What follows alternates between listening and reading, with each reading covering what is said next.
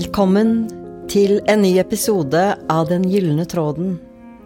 I dag er vi så heldige å ha besøk av Linn Stokke. Linn har hatt et eh, rikt og mangfoldig liv. Spennende liv. Første gang jeg hørte om Linn, da var hun skuespiller. Og så har jeg eh, fulgt deg, Linn, på Instagram en stund, og vet du har mange jern i ilden. At du har store kunstinteresser. At du lager utstillinger. Flotte utstillinger på Hadeland glassverk. Er yogalærer og mindfulness-lærer. Og at du også arbeider én-til-én som terapeut med traumer. Du har et spennende prosjekt på gang. Disse produktene som du nå lager sammen med din datter. Bærekraftige produkter. Så kanskje vi bare starter der. Ja, det, det, er, det, hørtes mye ut det du sa der, men det er, det er, jo livet mitt, da. Det har vært Jeg har drevet med mye forskjellig. Eh, men det er også en rød tråd i det hele, da. Så jeg føler at alle de tingene jeg har jobbet med, det, er, det har vært sånn stepping stones til hvor jeg er nå. Eh, og jeg føler at akkurat nå er jeg akkurat her hvor jeg skal være. Eh, og at jeg jobber med akkurat det som er veldig viktig for meg å jobbe med akkurat nå. Da. Så da bruker jeg mye av den erfaringen som jeg har fra disse ulike delene i det jeg nå jobber med, da, sammen med min datter. Ja. Hvis det var der du ville begynne? ja, det syns jeg vi skal si litt om. Ja, så jeg har jo De senere årene så har jeg, eller egentlig i over 30 år, så har jo Jeg må begynne der, faktisk. I over 30 år så har jo jeg levet plantebasert. Eh, og vært veldig opptatt av det. Eh, skrev en bok sammen med datteren min da vi skjønte at dette var jo noe som kanskje folk var litt mer interessert i. Eh, og at verden gikk den veien at man begynte å tenke mer på hva som er bærekraftig eh, mat, og hvordan vi skal leve. Så vi skrev en bok sammen som heter Mat for livet, helsen og jorden vår i 2019. Eh, hvor vi da deler vår erfaring gjennom eh, disse årene. Og så har eh, min datter også da utdannet seg som kjemiingeniør med, med spesialitet innenfor miljøteknologi. Fra NTNU i Trondheim. Og hun er veldig opptatt av å bruke utdannelsen sin på noe som er bærekraftig, og, som, og derfor har vi skapt et selskap sammen som heter Elm Organics en ny generasjon da, av såper og kosmetikk og osv.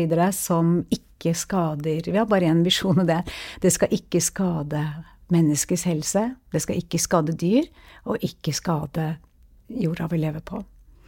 Så det, det er det som jeg jobber veldig mye med i dag, da. Det høres veldig, veldig fint ut. Ja, det kjennes som det har aldri vært viktigere enn nå eh, å, å, bringe det opp. Og det er det jeg kjenner at eh, jeg kan jobbe med mange ting, men akkurat det kjennes veldig, veldig eh, viktig nå. Mm. Du, du, nevnte at mye av det du har gjort tidligere i livet har vært som stepping stones til det prosjektet. Mm. Jeg ble litt nysgjerrig på, på hvordan det å være skuespiller og det å jobbe med meditasjon og mindfulness Ja, det handler vel om, om må tenke helhetlig på, på, livet og verden, men kan du si litt mer om hvordan det har gitt deg inspirasjon til å jobbe med det du gjør nå? Jeg kunne ha jobbet med ulike deler nå, som, men jeg tenker det at eh, for meg så har det vært veldig viktig gjennom livet og de valgene jeg har gjort, å leve på en måte som er i harmoni med meg selv, og finne ut hva det er, og med omgivelsene, menneskene rundt meg, omgivelsene rundt meg. Og det har jo vært eh, noe jeg har eh, lært gjennom også både kosthold og, og, også fått mye erfaring. Jeg har tatt med meg mye erfaring med de ulike tingene jeg har jobbet med i forhold til kreativitet osv., som jeg nå kan bruke inn for det jeg jobber med i dag. Så det er liksom aspekt av de ulike delene som jeg da kan bruke. Jeg vet, Linn, at du nærmest vokste opp på Nationaltheatret mm. sammen med foreldrene dine, som begge var skuespillere. Mm. Kanskje du kan si litt om det? For det var jo din tidlige ungdom, tidlig voksen. Ja. ja altså jeg eh, har vokst opp i, apropos kreativitet, sånn jeg har jo vokst opp i et sånn veldig farverikt hjem. Eh, masse kunstnere og kunstnerfester.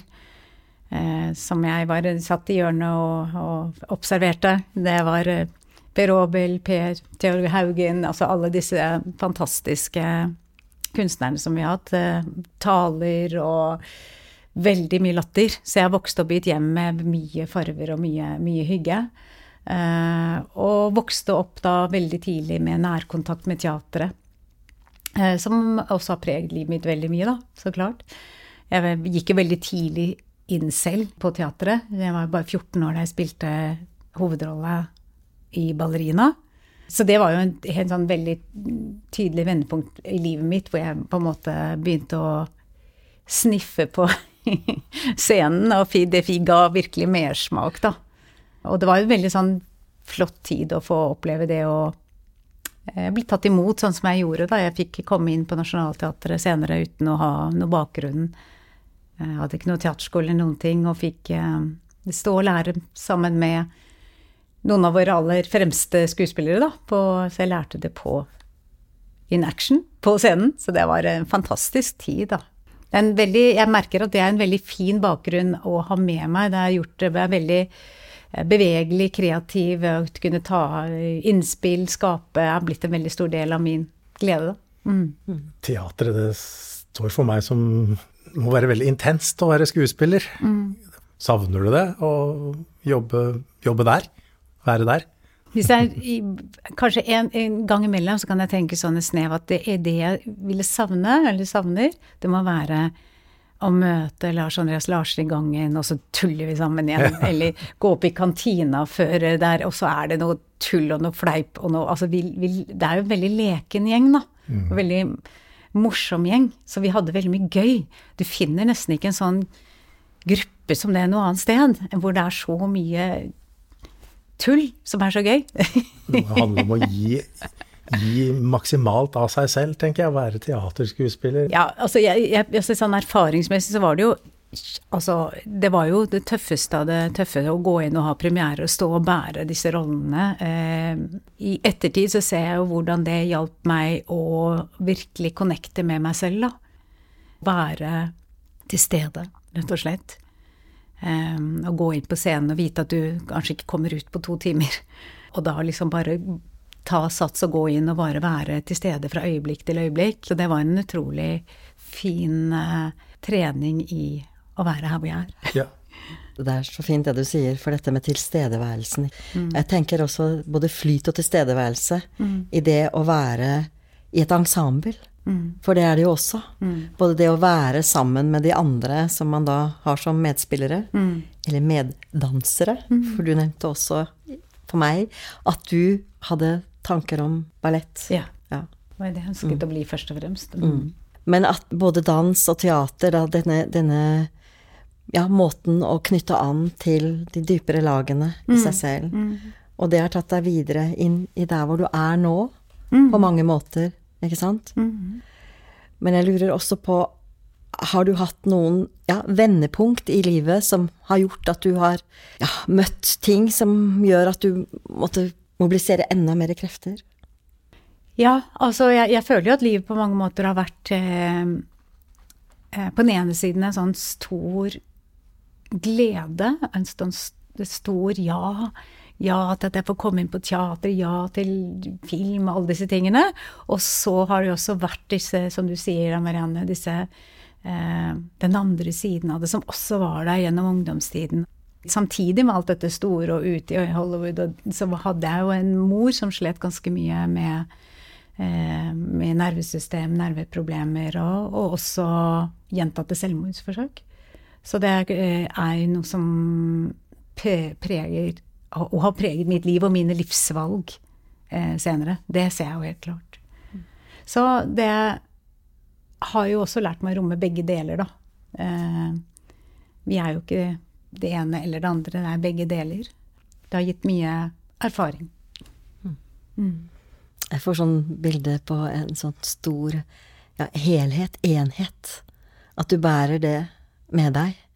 Samtidig som det har vært veldig mangfoldig, altså mange, mangefarvet, mange mm. nyanser, mm. stemninger. Mm. Så er det også som om den enheten, helheten, at du bærer det i deg. Ja. Uh, ja. Og det er vel det vi, vi, på en måte blir kallet til å gjøre, da, gjennom livet. For livet er jo liksom alle disse ulike farvene, da, og vi kan ikke på en måte skyve en del helt vekk. Uten, da føler vi oss ikke komplett. Så det å liksom romme alle disse ulike fargene i livet, det, det er jo litt av det som jeg føler er eh, invitasjonen, da. Mm. Mm. Vil du si det at det er en slags gyllen tråd, på en måte? Denne invitasjonen til noe mer, noe dypere? Nei, vi, snakker, vi nevnte litt om det i sted, og jeg føler hvis det er en gyllen tråd, så føler jeg at det er liksom noe som alltid har vært der, noe som på en måte har vært der gjennom livet, og det føler jeg at det er mitt eget nærvær har jo alltid vært der gjennom hele livet. Jeg har jo alltid vært der. Og det er liksom det samme hele veien. Uh, så det føler jeg liksom og, og livet kan gjøre at man kanskje mister litt kontakten med dette denne følelsen av den jeg er, den det autentiske, den dypere jeg, da. Men jeg vender hele tiden tilbake igjen til det, da. Og da har stillhet vært en veldig viktig del av å kunne ha tid til stillhet og ro og finne tilbake igjen når livet blir for mye. Mm. Mm. Hvis det ga mening. Det ga veldig mening. Det er vel mye av det som mindfulness kanskje handler om, er det ikke det? Men jeg vet ikke, går det an å si noe om, eller vil du si noe om hva mindfulness som du har vært lærer i, eller er lærer i, hva det er for noe? Nei, det, eh, enkelt sett så er det jo å kunne være til stede på innsiden og på utsiden samtidig. Å kunne eh, være her med hele vår livsopplevelse. Uh, mm. Mm. Hva ville du si? Nei, jeg vet ikke. Jeg syns ikke det er så lett å definere hva det er, jeg. jeg er Mindfulness er jo å leve med nærvær. Tilstedeværelse. Mm. mm. Handler det om det som også finnes bakenfor følelsene og tankene? Du snakker litt om deg selv og den du dypest sett er. Mm. Eh, at det er den vi dypest sett er. At følelsene våre og tankene våre er noe vi har, og ikke noe vi er. Ja. Mm. Det tror jeg var egentlig veldig fint eh, sagt. Mm. Og vi er jo, vår bevissthet er jo enormt mye større enn en tanke. Ja. Mm mye større. Og jeg tenker nettopp dette med kontakten, eller væren, kjernen, kjernen og den utvidede bevisstheten mm. samtidig. Mm. Og at det også tangerer det som er mer, eller det som noen kaller andre siden, eller jeg liker å si andre dimensjoner. Den utvidede mm. bevissthet. Jeg tror det som Vi er jo vi er jo, eksisterer jo liksom på litt forskjellige nivåer, og innimellom så er man veldig praktisk og den praktisk deltakende. Og så er det jo ting som gjør at vi kommer i kontakt med en dypere eh, erkjennelse, som også, også, er der, da. Det er sånn jeg opplever det. Mm. Og det er sånn eh, har det egentlig alltid vært. Og det er ofte vi får litt hjelp til det via naturen, eller ved at eh, vi opplever kjærlighet, men også traume kan også hjelpe oss å komme i kontakt med en, en, dypere erkjennelse om hvem vi er. Og dette liksom går man jo litt inn og ut av, da. Men det er en veldig viktig del av, for oss alle, tror jeg, å erkjenne at det er denne dypere dimensjonen. Den føles mer autentisk.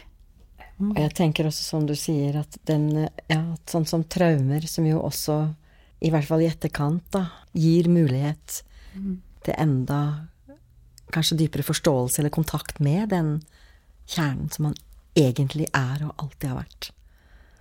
Ja, for meg så har det vært sånn i For jeg har jo vært igjennom noen ting eh, også. Ja.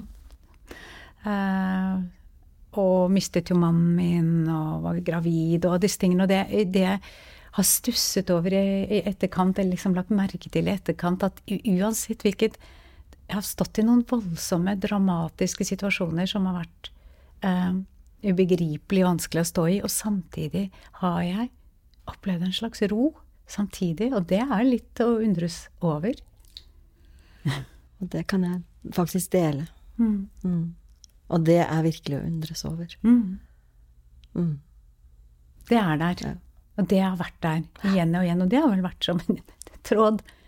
At uansett mm. eh, så har det også vært der. Ja. Det er det. Mm. mm. Hvorfor er det sånn, da? Handler det om å gi slipp? Altså når man ikke har noe å holde fast i lenger, så må man liksom bare gi slipp, og så blir man holdt Oppleves det som å bli holdt av et eller annet som er vanskelig å definere? Ja, vet du, det, kanskje, kanskje det er noe i det. Mm. At det er noe som på en måte brast og og så er det noe annet som på en måte holder, holder det. Og kanskje det noe er den kanskje, I hvert fall det som jeg kjenner som en slags kjerne. At det er den som, det som alltid har vært og alltid er, og at det blir så nakent når man opplever disse større traumene i livet, da. Mm.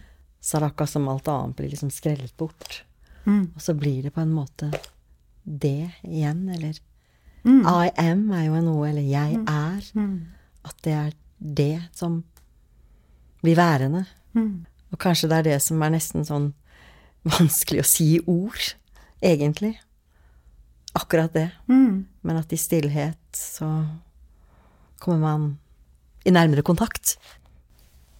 Jeg var for noen år siden med på en bok som heter Å, å endres er vel å endres gjennom smerte. Eh, og det ligger en endringsmulighet gjennom disse vanskelige tingene vi opplever. Det er ingen selvfølge. Men det er der. Og jeg tror det kan ligge noe i det rommet som du snakket om, at kanskje at det er noe som gir slipp, så noe annet får komme inn. Og det andre som kommer inn, tror, opplever jeg som en større del av den jeg er, vi er. Mm, ja. da, for det er jo uh, Mm. Dypere sett bare én av oss her, tenker jeg. Med ja, ja, vår bevissthet er eh, Vi er alle, som jeg sa til deg, jeg vet ikke hvem som har sagt det, men vi er alle eh, blader på samme tre. Ja. Mm. Og det er så fint å, å, tenke på at sånn mm. er det faktisk. Mm. Men det er disse nyanseforskjellene, at man har dette unike, mm. og samtidig denne enheten og helheten. Mm. At vi er egentlig alle ett, med en liten variasjon, akkurat som snøflakene. Samtidig så er det jo sikkert mange som opplever traumer og, vonde og fæle ting i livet som ikke opplever å bli holdt, og som ikke kommer sterkere gjennom det. Sånn. Det kan jo være viktig å ha med det også. Ja, det tror jeg er veldig viktig. Veldig ja. viktig. Og jeg må si at mm. gjennom de, de tingene jeg har vært i, så har jeg virkelig opplevd å føle meg fullstendig forlatt og fullstendig alene. Så i alle disse aspektene så eh, er der også. Så Sånn er det jo. Men jeg tenker også, du jobber jo som terapeut, og det gjør jeg også. Denne muligheten, sakte, men sikkert, så skrelles jo kanskje noe av for mennesker som ønsker å, å, å, ikke være fanget i det, ikke sant. For det er jo det som ofte skjer, at man fanges i traumene sine, at man blir holdt fast. Mm veldig takknemlig for å ha verktøy og nøkler til å kunne arbeide med det. Mm. Og at det er muligheter, og at det fins muligheter, og det er jo det du også arbeider med, ikke sant, i ditt ja. arbeid som med traumer. Jeg jobber jo da med det som heter SC-terapi og NARM, som er da eh, sjokktraumer og utviklingstraumer og relasjonstraumer. og Eh, det som jeg syns er fint med den metoden, er at det egentlig går ut ifra traume. Det sitter i nervesystemet og i kroppen vår, og ikke i historien. Så hva er det som skjer i dag i kroppen, som, og hvordan vi kan hjelpe til å utløse den overspenningen som ofte sitter etter vi har mobilisert og opplevd traumatiske ting. Hvordan kan vi varsomt begynne å utlade denne overspenningen da, som sitter i systemet, og, og komme til oss selv igjen. da. Mm. Og det er ganske stort å være med på den type prosesser mm. når det skjer, egentlig. Når denne ladningen, som du sier, ikke sant, bare Ja, den, man når ladningen, og den forløses. Så kommer det mer flyt inn igjen, og det er jo en stor ting. Mm. Og etter mange så er det jo nesten en sånn opplevelse av ja, ubetinget kjærlighet idet noe forsvinner. Mm. At man kommer inn i det feltet, da. Det større feltet. Og jeg tenker på at kjærlighet er Vi snakker jo om dette mer Hva er kjærlighet? Det er jo mm. bærende. Mm. Heldigvis. Før vi gikk inn her, så snakka du om at det du er mest opptatt av nå, det er at jorda brenner. Ja. Det blir kanskje et slags sånn kollektivt traume for oss etter hvert? ja, det er det. Ja. ja. og da snakker vi om det med klima og miljø og, og framtiden vår, og at den må vi ta ansvar for å styre oss selv i riktig retning. Mm. Men uh, tror du det blir det? Det kan det bli et slags sånn eh, kollektivt eh, traume for oss? Ja, eh, det er det vel. Mm. På god vei til å bli. Og det er en sånn oppvåkningsprosess som foregår. Jeg, jeg, jeg var nettopp i London og så så utstillingen A Broken Planet, som går på Natural History Museum. Og det var fantastisk flott å se både at man får tilgang til å se noen av de dyktigste vitenskapsfolkene som har gått inn og laget på en måte hva er det som har skjedd, hvordan har vi fått det til å bli sånn, du får følge hvordan det er, og du får se hva som skal til for å reparere dette. Um, og det er jo ikke noe tvil om at vi kan reparere det, men det er nå vi må gjøre det. Mm. Og verden kommer til å se litt annerledes ut, men hvis vi gjør det, så kommer den til å se, tror jeg, mye helere og mye bedre ut. Uh, vi kommer til å leve på en måte som uh, som eh, reflekterer en mye større samhørighet da, enn vi har gjort i dag. Både på hva vi velger og vi, hva vi spiser, eller hvordan vi behandler jorda. Jeg tror hvordan vi eh, verdsetter livet, tror jeg kommer til å se annerledes ut etter det vi er igjennom nå. Ja. um, ja. Det tror jeg. Mm, det tror jeg også. men vi har nøkkelen til hva vi kan gjøre. Men jeg tror den bevisstheten hver enkelt av oss gjør i våre egne liv, den er så enormt potent. Mm. Det er jo de valgene du og jeg gjør i dag, eh, hvor vi virkelig tar det helt hjem. Og det gjelder jo egentlig det meste, men ikke minst nå, da. Hva er, jeg, hva er, det jeg, kan gjøre i dag som vil være Og for de små tingene er ikke små når vi er mange, og jeg, det er den, den kraften som jeg tror er kjempeviktig at vi våkner opp til. Så hvordan, hvordan Det hørtes jo veldig optimistisk ut, og det er jo fantastisk å, å høre på. Uh, ja, veldig fint. Men hvordan ser du for deg da verden og samfunnet om par hundre år? Altså hvis, det, hvis, vi klarer å snu denne trenden, det, det med å raise the occasion som det heter, så, så ser jeg jo for meg at som disse vitenskapsfolkene på utstillingen Broken Planet, at vi kommer til å selvfølgelig leve plantebasert. Mm. Eh, med ispedd insekter, og jeg er ikke helt der ennå. Men det blir nok insekter og planter vi kommer til å leve av, da. Mm. Eh, så vi kommer til å finne andre måter å, å være med dyr på. Eh, som de driver og forsker også på nå. Så vi, vi kommer til å se en planet i endring. Mm. Men vi kommer til å leve på en mye mer fordi vi må det, men det kommer jo også til å bli en ordentlig feel good-måte ja. når vi først har gjort det. Mm -hmm. Så eh, det blir mye mer eh, samhørighet og en bedre verden. Bedre Jeg tror du har rett. Mm. Som du sier, at hver og en At det starter jo på en måte i den enkelte, mm. og at det sprer seg. Mm. Og dette med en følelse av velvære når det blir en balanse og en harmoni og en samklang De aller fleste klarer jo å merke det mm. etter hvert. Selv om det er mye støy som foregår, det er jo ikke tvil om det. Mm. Tilliten til at det er mulig, det vil også være en bærekraft i seg. Mm. Ja. Mm. Jeg var opptatt av dette da jeg var ung, om hvordan vi skulle leve sammen. Det begynte å bli ganske mange år siden jeg var der.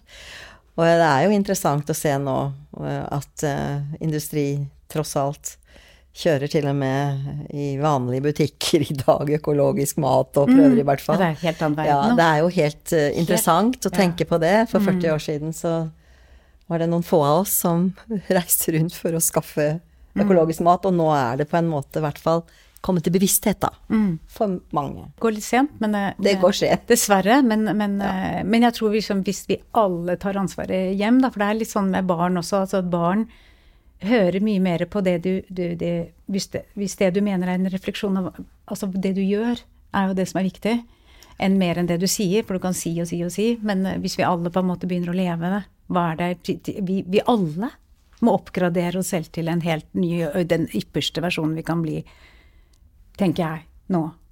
Uh, og det er tiden er nå. Og da har vi muligheten til å kunne skape noe unikt fremover, da. Men det er nå når det gjelder mye av det her, altså økologisk mat og egentlig stor, stor del av feltet, eh, bærekraft og fornying, så opplever jeg at vi henger litt etter i Norge. Mm. Eh, bare sammenligna med Sverige og Danmark, og i hvert fall sørover i Europa. Uten at jeg helt forstår vet hvorfor.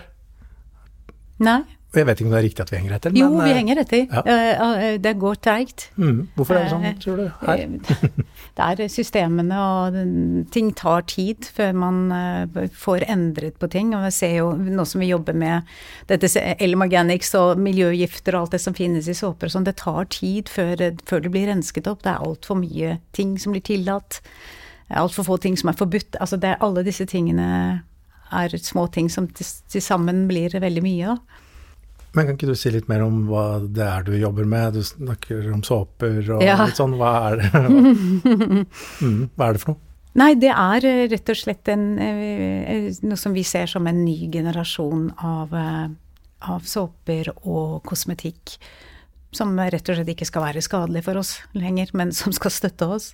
Eh, Så det er jo noe som mm, Min datter er jo på en måte den, den virkelige kompetansen innenfor dette. Eh, Og i en bransje, hun ønsker å gå inn i en bransje hvor, hvor det må skje et grønt skifte også. Vi alle må inn i et grønt skifte. Så Men det ser, du sier det, det, det går langsomt, men, jeg, men det går fremover. Det gjør det. Og eh, jeg tror vi har aldri vært mer motiverte enn nå, da. Jeg tror folk har begynt å skjønne at det, at etter covid, altså immunforsvaret vårt altså Vi kan ikke drive og eh, fornærme eller hit vårt immunforsvar hele tiden med soppen, håndsoppen vår, da. Ikke sant?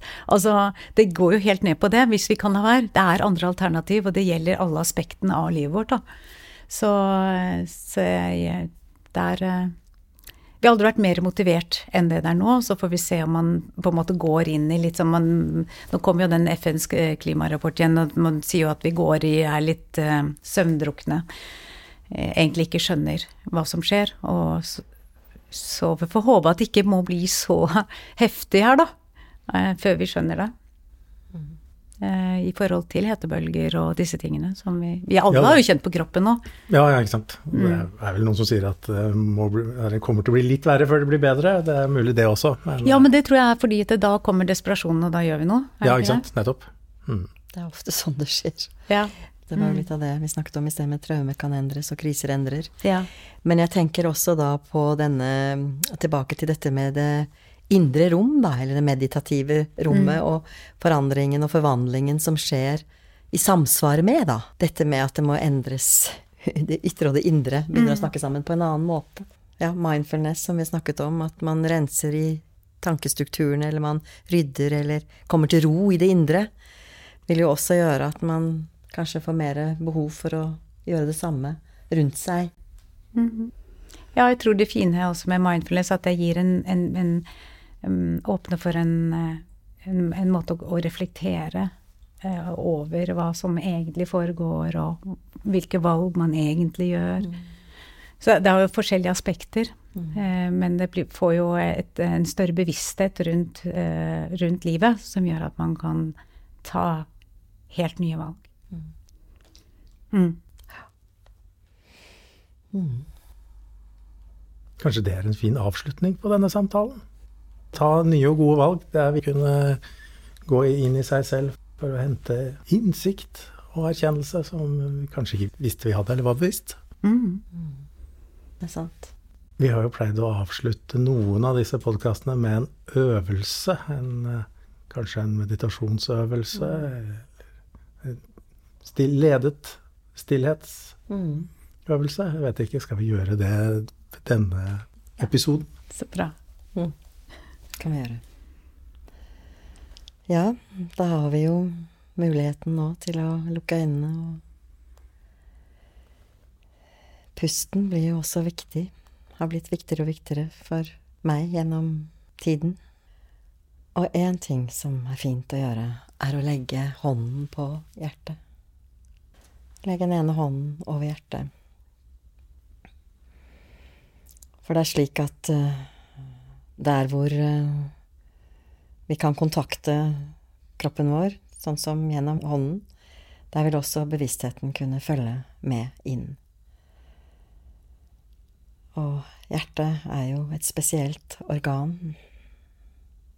Og apropos forskning, når vi nå har mulighet til å gjøre noe så enkelt som å holde hånden på hjertet og kontakte hjertet vårt, så er det sånn at hjernen og hjertet får en større samklang, og gir oss også en litt dypere kontakt innover med den vi er, har vært og vil fortsette å være. Så nå kan du bare puste rolig inn gjennom nesen. Kan gjerne starte med å telle fra én til hvor langt du kommer. Og så kan du puste ut enten gjennom nesen eller ut gjennom munnen. Og bare telle fra én og ut hvor langt du kommer, i ditt eget tempo et par ganger. Puste inn og puste ut.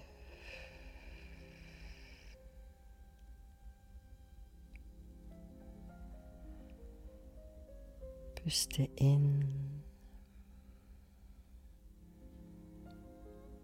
Puste ut.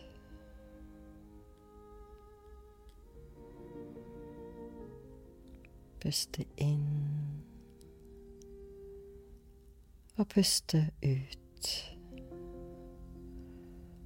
Og nå, mens du har denne indre kontakten, kanskje dukker det opp en indre farve eller følelse, stemning, i deg akkurat nå. Så bare gi deg tid et lite øyeblikk til å kjenne etter. Hvordan føles det?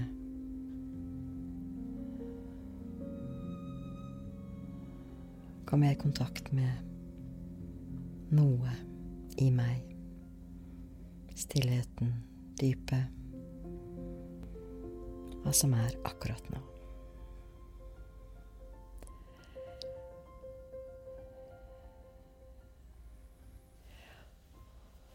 Da vil jeg takke for stunden her.